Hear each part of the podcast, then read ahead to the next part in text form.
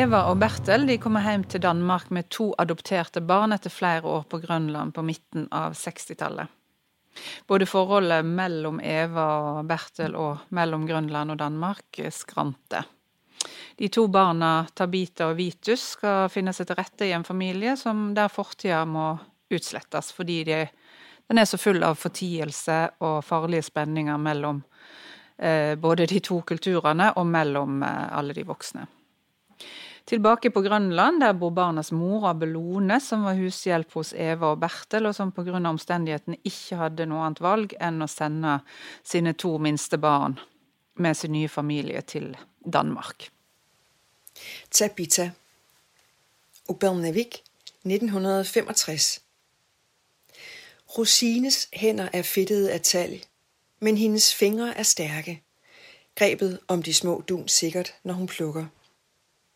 Hendes nevø er kommet forbi med fuglene. Det er hun taknemmelig for.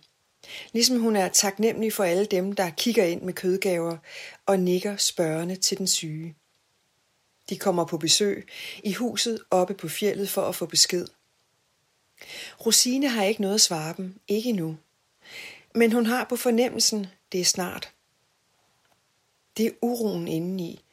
Disse små lyn i hendes arme, som gør dem restløse og får fingrene til at nippe i selv de mindste duen og tørre dem af på kanten af spanden, som står mellem hendes ben. Ved hendes fødder ligger en allerede plukket fugl, lyserød og buttet. Hun sidder på stolen i det tynde lys fra vinduet, hvorfra hun kan overvåge Vitus på briksen. Nu og da holder hun pause og lytter efter opholdene i hans vejrtrækning. Hun ved, hvad vej det går med hendes mand. Han skal dø. Rosine, som selv har en vis alder, har sagt farvel til mange kære slægtninge. Hun har dem alle sammen i sin krop. De sidder i hendes kød og strækker sig under hendes hud. Hun mærker dem nu, mens hun plukker. Hendes fars hænder. Det var ham, som byggede huset på fjellet, inden havet tog ham under en storm. Og hun mærker sin mors sind. Den gamle Tabita forsørgede sig selv og Rosine med kødgaver fra de nærmeste og med hvad hun kunne fange fra sin egen lille båd. I et halvt liv var hun enke. Tæret af årene nægtede hun at ånde ud, men lå på Brixen, hvor Vitus ligger nu, og kommanderede med sin datter til det sidste. Rosine plukker indet og mærker også de af sine børn, der med vold blev revet væk, løftet op af skæbnens hånd og kastet bort et uopmærksomt øjeblik. Hun har mistet tre børn gennem årene. Tvillingerne, som faldt i havnen. Den ene reddede den anden. Og hendes store søn, som forsvandt på en jagt. Kun datteren Abelone har hun tilbage. Abelone trygt sovende på briksen ved siden af sin Adada, med vejrtrækningen fed og rolig. Hun ligger med Rosines to børnebørn, som smyger sig op af hende. På den ene side Angayu, på den anden side den lille Tabita. Tabita, som blev født to dage efter, at Rosines mor til sidst gav slip, og som fik hendes navn i fødselsgave. Rosine havde kunnet se det med det samme. Det var et stedigt barn. Viljestyrken sad i hendes lille mørke blik. Tabita av eh, Iben Mandrup er tredje bok ut i Norsk litteraturfestival sin podkastserie Lesesirkelen, som består av de eminente leserne, forfatteren Pedro Carmona Alvarez, eh, kritiker Kaja Skjerve Målerin og litteraturprofessor Tone Selbo. Velkommen til dere. Takk. skal du ha. Jeg heter Marit Eikmo, og jeg er kunstnerisk rådgiver for Norsk litteraturfestival. Eh, og vi fire vi befinner oss altså ikke på hver vår kant av landet, men i samme studio på Deichmanske bibliotek i Oslo. Og vi tror og håper at den gleden vi kjenner ved å være sammen og snakke om litteratur, vil smitte over på dere lyttere. Først litt om Iben Mondrup, som er dansk forfatter, oppvokst på Grønland. Eh, men hun er, hun er utdanna billedkunstner med mastergrad i eh, kunstteori og formidling. Eh, og debuterte som romanforfatter i 2009 med romanen 'Ved slusen', og har siden utgitt fem romaner. Eh, Tabita er hennes første bok på norsk, og dette er av den grunn kanskje eh, et nytt bekjentskap også for dere? Absolutt. Det er første boka jeg leser henne. Mm. Um, så det har vært interessant og sterkt på mange måter. En veldig sånn en, en, hard bok på mange vis. Uh, historien er jo veldig, veldig rå. Og, og, jeg har nok noen innvendinger også, men sånn, fortellingen syns jeg var veldig, veldig sterk å lese. Absolutt. Er det første gang dere leser såpass tette skildringer fra, fra, Grønland også, kanskje? For min del er det det. Eh, jeg har lest lest i den boken til Naya Marie Ait som heter Er det poesibok den heter? Men liksom hvor det er en del fortellinger også fra, fra Grønland. Men ellers så har ikke jeg mm, lest noe særlig Nei, og Her er det jo en dansk forfatter som er oppvokst på Grønland, som har skrevet og Jeg har lest noen sånne beretninger fra Grønland som er liksom den mer sånn gammeldagse grønlandslitteraturen, hvor man liksom leser om prester og, og koloniforhold, men, men, i et mer sånn um, historisk, mytologisk perspektiv. Uh, har lest noe sånn uten at jeg husker det så veldig godt lenger. Men ja, dette er første gang jeg leser uh, Mondrup, og jeg har heller ikke lest noe som omhandler denne epoken i Grønlands historie heller. Jeg må for egen, for egen, del også si at jeg, jeg kjente ikke heller til uh, denne, historien, denne, historien, om det såkalte grønlandske um, eksperimentet uh, fra før. Som at for meg var det rett og slett også litt sånn saksopplysende, rett og slett. Ja, altså litteratur som saksopplysning. Mm. Mm. Kanskje si litt om, om det grønlandske eksperimentet som uh, Eh, som romanen trekker historiske paralleller til. Eh, I 1951, da ble 22 eh, grønlandske barn sendt til Danmark på et såkalt dannelsesopphold i ett år, i regi av den danske staten. da. Og der skulle de lære dansk språk og kultur, og tanken var at de skulle bli danske og, og få et bedre liv, da. Men etter ett-to eh, år i, i, dans, i, i, danske fosterfamilier så mista de jo veldig mye av kontakten med familien sin, og ble enten ja, adoptert bort eller sendt tilbake til barnehjem på, i Nuuk på Grønland. Eh, så sånn sett eh, er det likhet mellom historien Tabita, om Tabita Vitus. De blir frarøva familie, hjemland, språk og kultur. Ja, og i det nye hjemmet da, i Danmark så skal liksom alt, så skal denne kulturen og identiteten forties, eh, som vi, som vi ser. Boka er jo todelt med at uh, første delen foregår i, på Grønland, og så forflytter vi oss til, uh, til Danmark i ja, midten av 60-tallet, da. Mm. Og i slutt slutten i fjor, på slutten av året i fjor, så kom faktisk regjeringen, den danske regjeringen med en offisiell unnskyldning til de 22 grønlandske barna som var sendt til Danmark. da. Eh, så den eh, faktisk bare nå Det har jo vært eh, veldig har vært et veldig vanskelig liv for de 22 barna. Av de så er det bare seks som lever i dag, faktisk. Hmm. Frem, uh, I forbindelse med den unnskyldningen så ble det jo også laget en historisk utredning uh, om, om ja, hvordan dette rett og slett foregikk. Utvelge, hva som var bakgrunnen for, for dette eksperimentet, og, og, hvordan utvelgelsen av barna foregikk. Og det er jo altså, veldig smertefull eh, lesning, selv i, i, skrevet på en veldig sånn sakpro, nøktern, i nøktern sakprosa, men, men, smertefull lesning også fordi at um, det var tydelig vanskelig å finne barn, så, så, så, mange barn som oppfylte de kriteriene som de i utgangspunktet hadde. Vi skulle være så og så gamle, de skulle ha, være evnerike, de skulle i utgangspunktet være foreldreløse. Um, og, og, jeg synes, Da jeg leste den Tabita, altså romanen, så, så da vet man jo av baksideteksten at uh, disse to barna skal bli tatt fra familien sin. Og jeg syns det var en så Eh, det gjorde lesererfaringen veldig spesielt. fordi at når man Beskrivelsene av samværet mellom moren og de barna, de er jo veldig sånn sanselig detaljerte. Um, og selv ble jeg liksom sittende og tenke når skal tragedien ramme?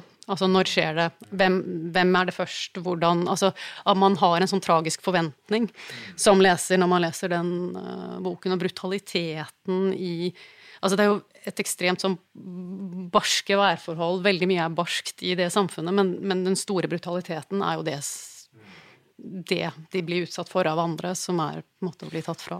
Og hvordan og Ordentlig brutalt er det hvordan den, den her adopsjonen da, på en måte foregår litt sånn så sømløst òg. At den først kommer disse barna inn i den rike familien og får litt sukker og får litt uh, kjeks og, og, blir liksom værende i huset, blir tatt imot av Eva, som er denne moren, den danske barnløse kvinnen. Men hvordan dette skjer så For det er ikke en sånn voldelig i seg sjøl, sånn at de røsker dem ut. Eller, liksom. det, det, skjer gradvis. Men sånn, nesten sånn forførerisk dans da, av noe slag. da før da det blir ordentlig, ordentlig brudd, da, og de blir tatt med til Danmark. Og. Og det er jo smertefullt å lese, som dere sier. Og, det, og, og, jeg satt også og ventet på katastrofen, også fordi den har jo denne dedikasjonen til alle de barna som har måttet glemme seg selv. Eh, så den, den trekker jo direkte på denne eh, faktiske historien, samtidig som den bruker romanens muligheter til å å fortelle en historie gjennom noen enkeltskjebner. Og så lager den nettopp en sånn ambivalens rundt uh, adopsjonen. Det ene er jo at de sånn gradvis blir tatt inn i dette hjemmet og støtt ut mm. igjen også. Litt etter hun mm, Evas ja, forgodtbefinnende, som selv har store problemer. Altså Hun vil ha dem, og så orker hun plutselig ikke å ha barn lenger, osv. Altså sånn til å begynne med. Og ja, det er for så vidt det samme senere. Ikke disse barna. Ikke disse mm. barna, ja. Og så, og så, når de da blir adoptert, tilsynelatende etter at moren av Bellone har godtatt dette Og vi får jo ikke høre noe mer om moren, den biologiske moren etter mm. det. Så drar de jo i hurten og styrten til Danmark som om de har gjort noe alvorlig. Det går jo mm. rasende fort. Så, så, det er en del sånn ambivalens knyttet mm. til Er det en kidnapping? Eh, mm. Er det en adopsjon? Eh, hva er det egentlig som foregår her? Jeg må si, jeg synes Det syns jeg var noe av det fineste med den fremstillingsformen i den boken. Eh, det, altså morens fravær, som bare er et sånt rungende fravær gjennom fortellingen fra hun blir forlatt. Mm. På grunn, av at Barna blir jo tatt fra, og de blir, må forlate familien sin, men det er hun som er igjen og blir mm. forlatt og har fra før også mistet et barn. Mm. Eh, som jo er bakgrunnen, det bør vi kanskje si, altså, som er bakgrunnen for at disse eh, barna blir tatt mm. fra henne. Altså at hun mister en gutt uh, utpå isen. Ut på isen. Uh, og er i dyp sorg og mm. faller fra hverandre. Uh, og blir ute av stand til å ta seg av disse to andre barna for en liten stund. Da. Det er en veldig kort periode det er snakk mm. om. Altså, og hele den kvinnehistorien eller som, som, boka starter med Vi starter jo med Rosines perspektiv. Det er altså bestemoren til Tabita og Vitus og hennes mann som heter Vitus, som dør. Og så blir da den lille gutten, den nye babyen, kalt opp etter ham. Så får vi hennes perspektiv, så får vi Abelones perspektiv, og så hele denne liksom rekka av disse sterke og sårbare kvinnene Den blir jo brutt med adopsjonen. Og det du nevnte, Kaja, om at det er et sånt det fraværet det jo, manifesterer seg jo da som glemsel i Vitus mer, eller, mer og mer, fordi han er den minste, men ikke i Tabita, eller Tabita, jeg vet ikke hva som er riktig uttale her. men som, som, jo aldri glemmer sitt opphav, men som da ikke får lov til verken minne sin mor eller snakke språket. Ja, og så er det bare veldig kort til akkurat det der med Vitus. For det er klart at han, han glemmer jo moren. Samtidig så får vi beskrevet et eller annet sted at han er fire år, og, og, men oppfører seg som om han var baby. Altså at, han, at noe i han husker jo. Altså at han, at han vokser ikke. Eh, sånn at det er liksom utagert på en, annen, på en, på en annen måte, da. Altså forstyrret utvikling. Og så tenker jeg også det fysiske som er så sterkt når de er til stede på Grønland. Altså måten de blir båret på. Uh, hun fru Eva, som hun heter, da, hun dansken spør om har du ikke med deg kom, Men hvor har du Vitus hen, sier hun til Abelone en dag hun kommer til huset. Hun er hushjelp der, da. Kaffik, var det det det het? Eh, og det brukes jo en del grønlandske ord her, eller betegnelser. Og så ser du, å jo, så har hun ham i en sånn, nærmest sånn, eh, sånn knytte på ryggen, da. Sånn at de er jo de, de, er jo hele tiden nær kroppen. Og hun eh, Tabita blir jo også sånn en reservemor for lillebroren sin og kaller seg for lillemor. Og det er jo veldig fysisk, og den fysiske nærheten blir jo også brutt når de kommer til Danmark. Mm.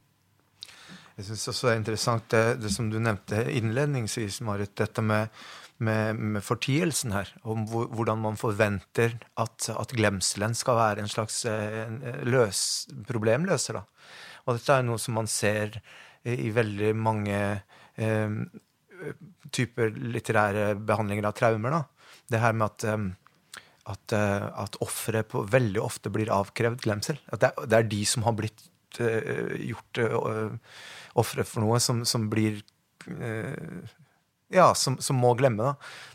Det finnes en, en scene i denne boken her hvor um, når Bertel snakker med, med, med, fru Eva, dette ekteparet, og så snakker de om uh, ja, hvordan, hvordan, vil det bli når vi kommer til Danmark og sånn. Uh, ja, men hun skal jo ikke huske moren sin, hun må jo glemme dette. Ja, men det kommer av seg selv, sier han til henne. Det er svaret på at ikke bekymre om det. Så glemselen, den vil løse noe. Og det er, det er interessant i boka, syns jeg, at nettopp fordi at eh, eh, Lillebroren glemmer kanskje på et sånt cerebralt nivå, men kroppslig gjør han det ikke.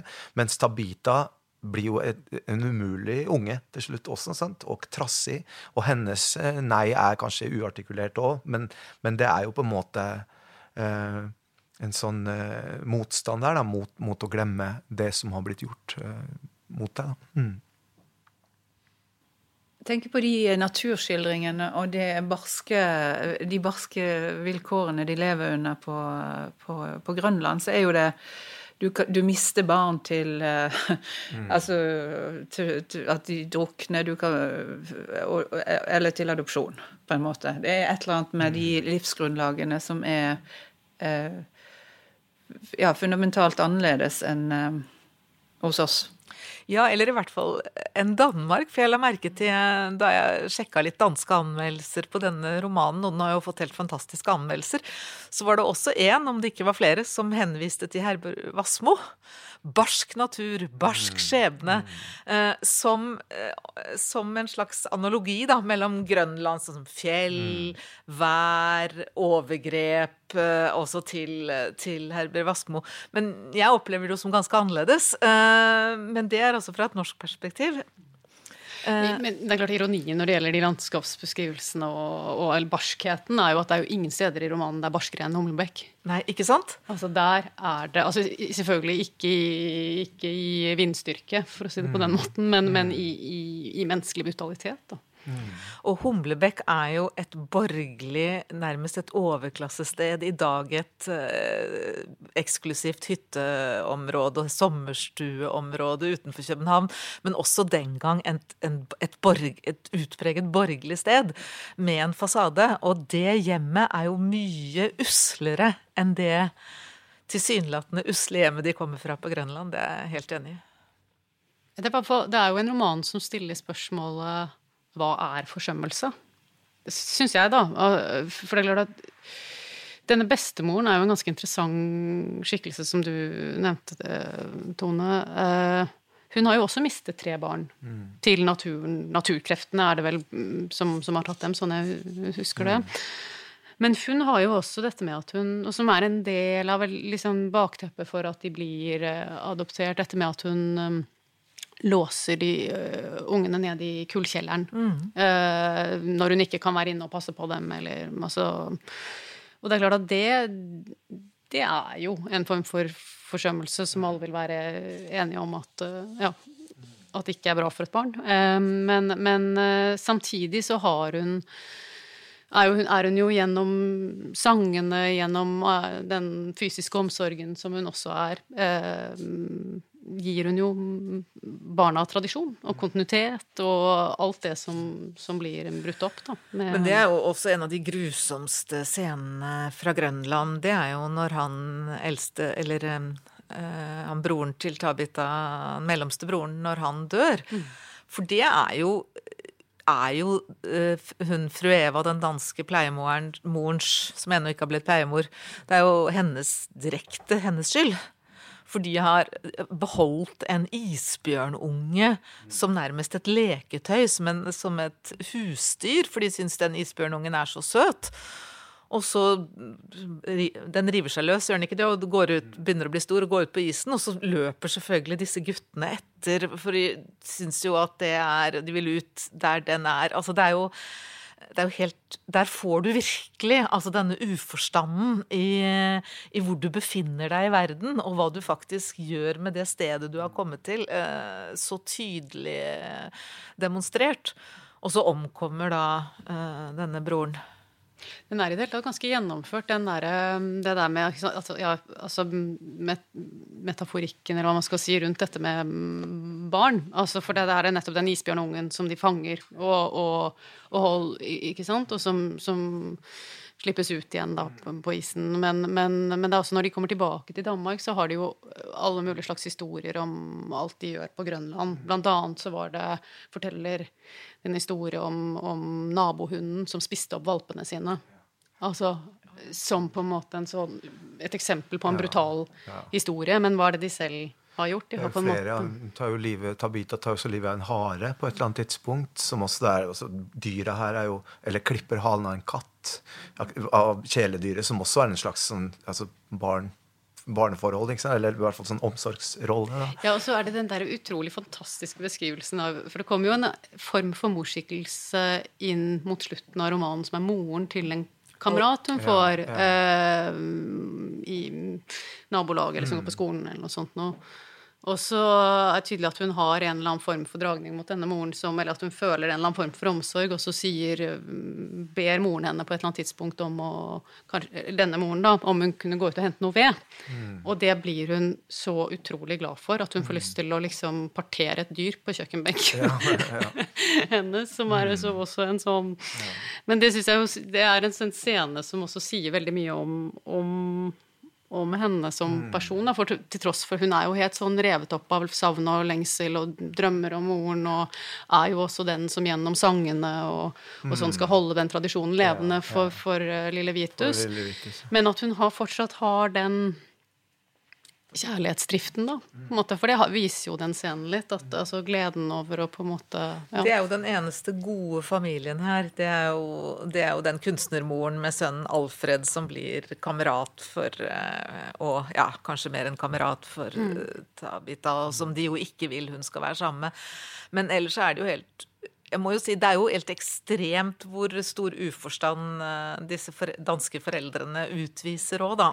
Eh, altså det er jo disharmoni mellom Eva og Bertil.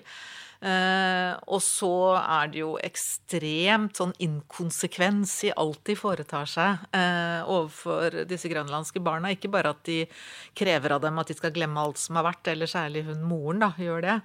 Men eh, også veldig noen irrasjonalitet i alt de gjør. altså plutselige forbud, plutselig overøser dem med eh, omsorg og trekker den tilbake igjen. Og så kommer det jo det som jo er kanskje noe av det tøffeste i romanen, at disse to søsknene også blir skilt. At de sender bort han eh, lille Vitus. Eh, og sier til Tabita at han har dratt hjem igjen til Grønland, men eh, han er der på et barnehjem, og så omkommer han på et tidspunkt. Eller kanskje har han ikke omkommet. Det er jo ikke helt klart. Jeg vet ikke hva dere sier. Nei, I hvert fall ikke på den måten at man, man, kan jo Er det noen man kan være helt sikker på at er svikefull i denne boken og, og, snakker usant, så er det jo de voksne. Mm. Så sånn sett så, så, vet man jo ikke helt. Men den der livsudugeligheten til disse voksne menneskene er interessant. For en ting er jo dette overgrepet mot barna og det å rive dem vekk fra familiene sine på denne måten, som jo er hårreisende i seg sjøl og, og, dra dem over til en annen kultur og forsøke å si at hvis du bare er her og glemmer, så vil det bli tipp topp, livet ditt. på en måte. Sånn. Men, men, men, disse voksne menneskene er jo også på en eller annen sånn merkelig jakt etter hvordan de skal leve livene sine da, og oppfylle noen krav. Denne, denne barnløse fru Eva som vil bli mor og har en eller annen veldig sånn forestilling om hva det vil si, og så blir hun skuffet gang på gang, for det er ikke sånn det skal være inni hodet. Og, så korrigeres ikke disse her oppførslene fra noen kant. De har jo ikke noen god dialog seg imellom, disse, dette ekteparet. Og samtidig så er det også et godt sånn tenker jeg, en sånn bra De voksne speiler jo også den større politiske uh, ideen her, som er da uh, eksperimentet, Grønlandseksperimentet, om at uh, det er også en, en, stor uforstand i det, og at man tror at hvis man bare gjør sånn, så vil dette her bli kjempebra.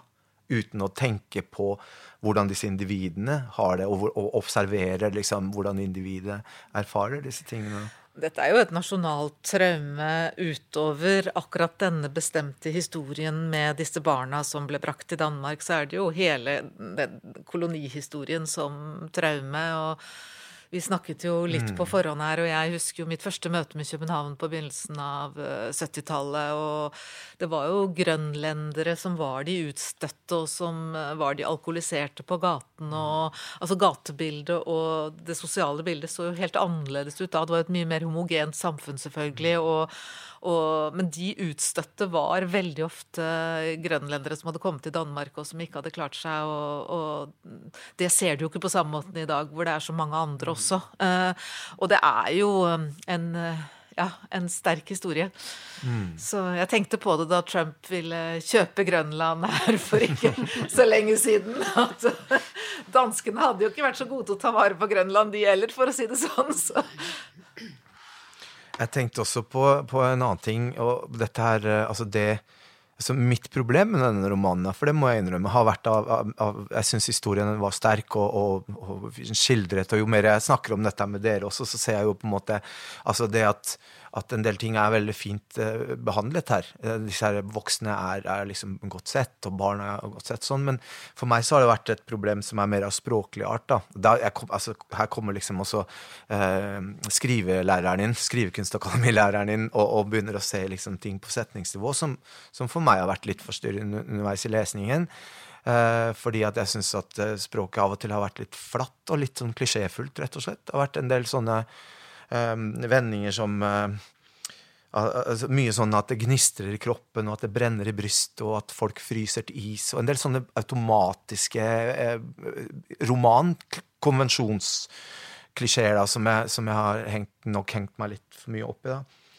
Uh, og når det gjelder disse, den tematikken, så vil jeg gjerne si at jeg har jo uh, arbeidet med tematikken litt sjøl i, i, i, i, en roman.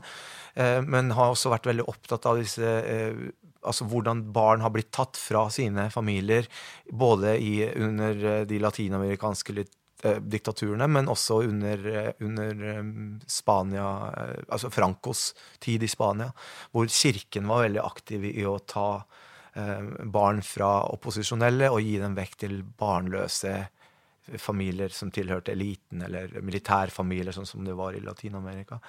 Og det er jo ehm, Det er jo eh, Altså, den måten å, å, på en måte rykke løs noe fra, fra noe er og særlig når det gjelder barn, er, er, noe av det verste man kan tenke seg, rett og slett. Og, og jeg, jeg, har nok også syns nok også at den, den, romanen der den svikter for meg, er det at det språket blir litt for lite motstandsfylt, eller litt for løst og litt for slapp til at det til at den, altså dette kunne vært eh, gjort eh, enda, enda drøyere, på en måte, tenker jeg. Jeg syns den er ganske stramt skrudd mm. sammen. Og den har veldig sånn at den går liksom ut og inn av personenes syke og inn, eh, altså bevissthet, og at den har liksom både frampek og tilbakepek som gjør at jeg lot meg ikke forstyrre av det, må jeg si. Men, Men eh, kompositorisk er romanen fabelaktig. Den er ja. kjempefint skrudd sammen. Hun er god. Altså, for eksempel, hvis jeg bare kan nevne en, en scene her hvor de da snakker om at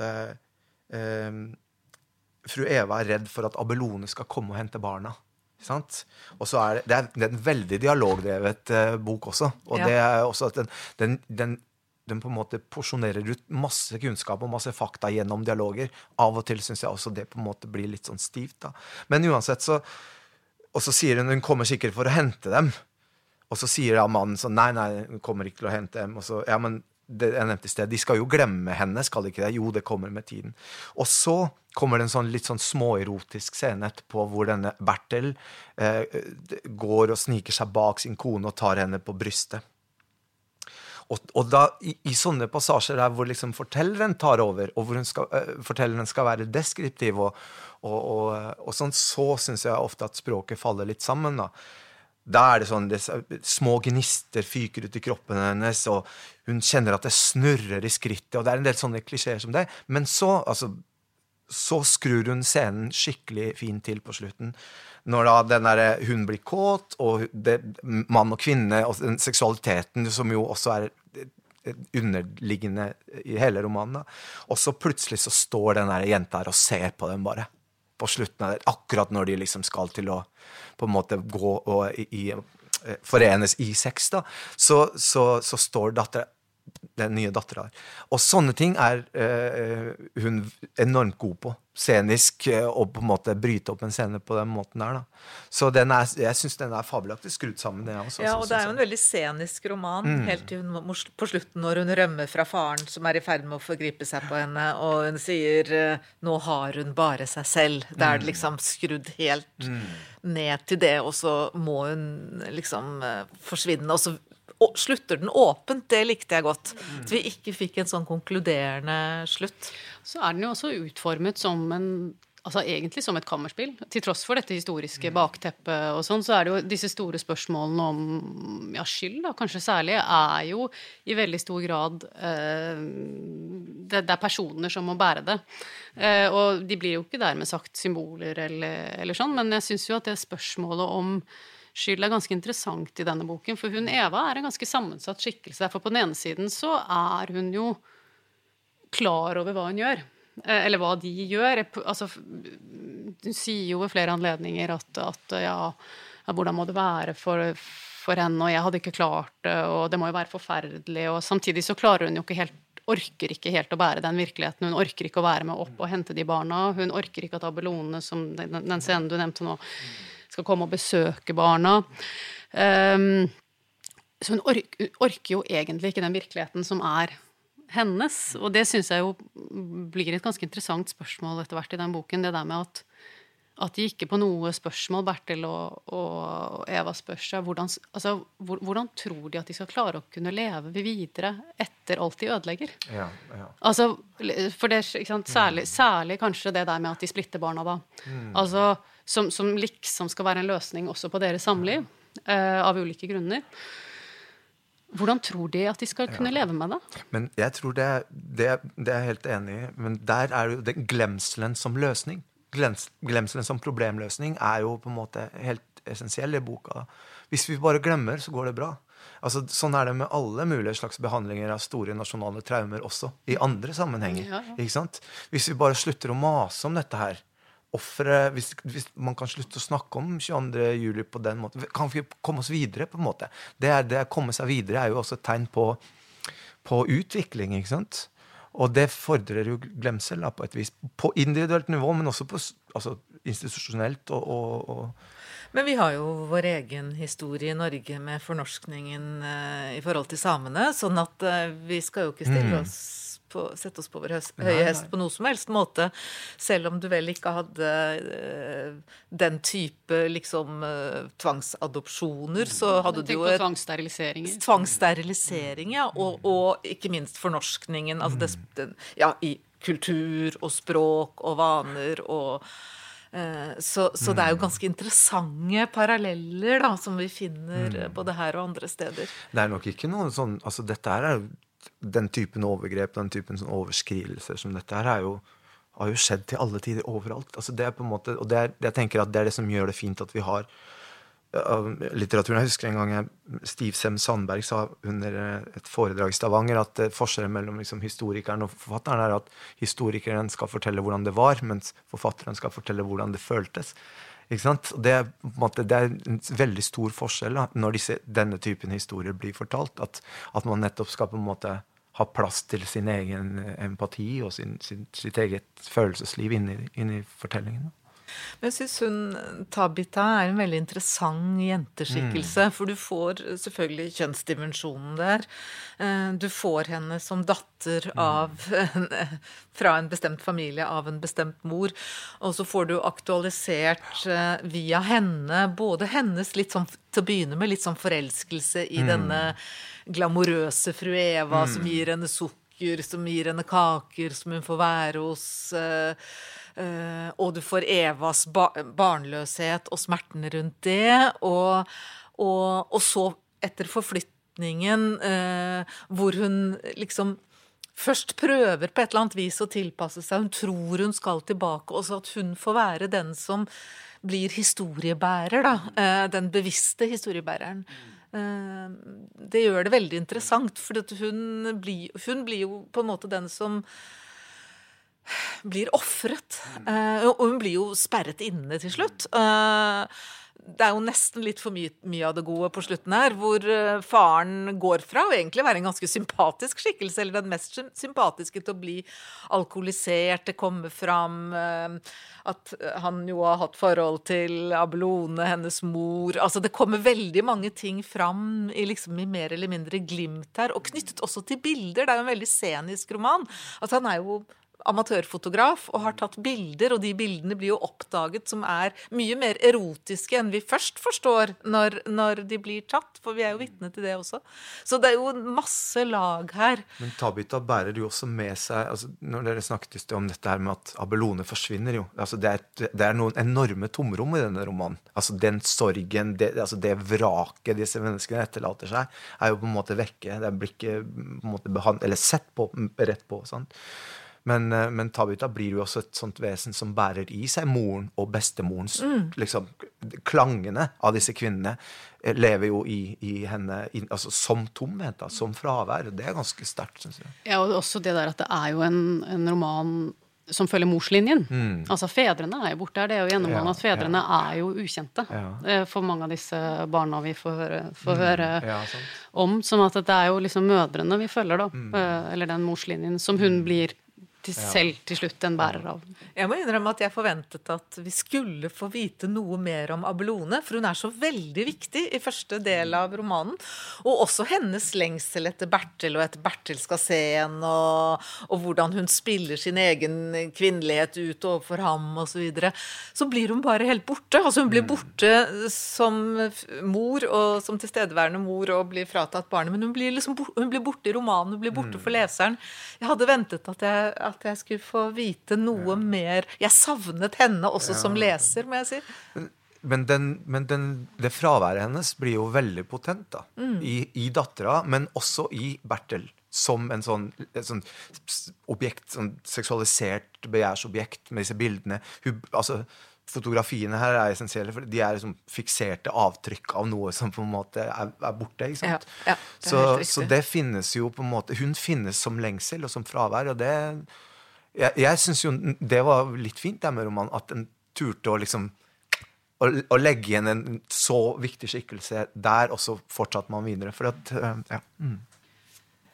Eh, romanen er vel også en fortelling om relasjonen mellom voksne og barn på Altså hvordan disse barna på en måte ikke får være til i seg sjøl, men er til for, for de voksne. Mm. For de voksnes behov, ja. ja. Og på slutten så blir jo Tabita mor for Bertil. Altså hun blir både mor og potensiell elskerinne. Ja, ja, det er litt uklart liksom hvor langt det der samværet mellom dem har gått, men det er liksom Hun blir jo mm. en slags omsorgsperson samtidig mm. som hun er sperret inne. Så det ja, er men jeg syns også at uh, blikket på barn og voksen, eller forholdet mellom barn og voksen, speiles jo veldig i forholdet mellom, uh, mellom koloni, altså i kolonihistorien. Så det, den voksne, det voksne landet som skal lære liksom barnelandet å leve, på en måte. Sant? At det er en sånn enorm skeivhet i det også, som speiles i Ja, hvor som sitter, det er de voksne her som gjennomgående har alle karakterbristene. Ja, altså, ja, ja. Um, er ikke det en sånn veldig Altså en scene der uh, Tabita skal, skal, imponere fru Eva med å fange denne anden? Mm. Som også er jo veldig flott. Altså hun vil jo, ja, vil jo vise og imponere, og, og får selvfølgelig bare uh, kjeft. Det er jo gjennomgående. Ja. Men også kom jeg på noe, for dette er vel ganske tidlig etter at de har kommet til Danmark, er det ikke ja, det? Uh, også det der at, at at de For hun er jo gammel, hun er vel fem da, da, da de drar. Og, og, hun er jo gammel nok til å forstå at nå reiser vi, men hun vet jo ikke hva hun skal. Hun, det er liksom den der, det syns jeg også er ganske fint skildret i den boken. Den derre gradvise, langsomme liksom, for, oppklaringen for henne at hun plutselig forstår at jeg skal ikke hjem igjen. Ja, hun tror jo ja. først hun bare er på tur og kan fange en and og se hva jeg kan. Eh, og så, ja. Og veldig flott den scenen hvor hun først lar uh, gir uh, de, Hun spiser pølser. Og det syns hun er så godt, og så får hun Og så, så skreller hun nærmest Hun tar av skinnet på pølsen pølsa til Vitus og stapper i munnen på ham. Altså alle disse tingene som er de fine tingene med å komme et nytt sted, oppleve noe nytt, være på ferie. Det er jo liksom feriesituasjonen. Og så punkteres det, ikke sant? Og den derre innsikten i at nå er jeg faktisk fanget her. Jeg har ingen mulighet. Og ikke bare fanget sånn rent fysisk, men hun har liksom ikke noen mulighet til å få vite noe heller. Hun kan ikke stille spørsmål og få svar. Det er, klaustrofobien er veldig godt skildret. Der syns jeg både den mentale og den det, det, det samme sånn Kammerspillfølelsen, det huset, det, alt virker altså tett. Det er sånn trangt der de er, uansett.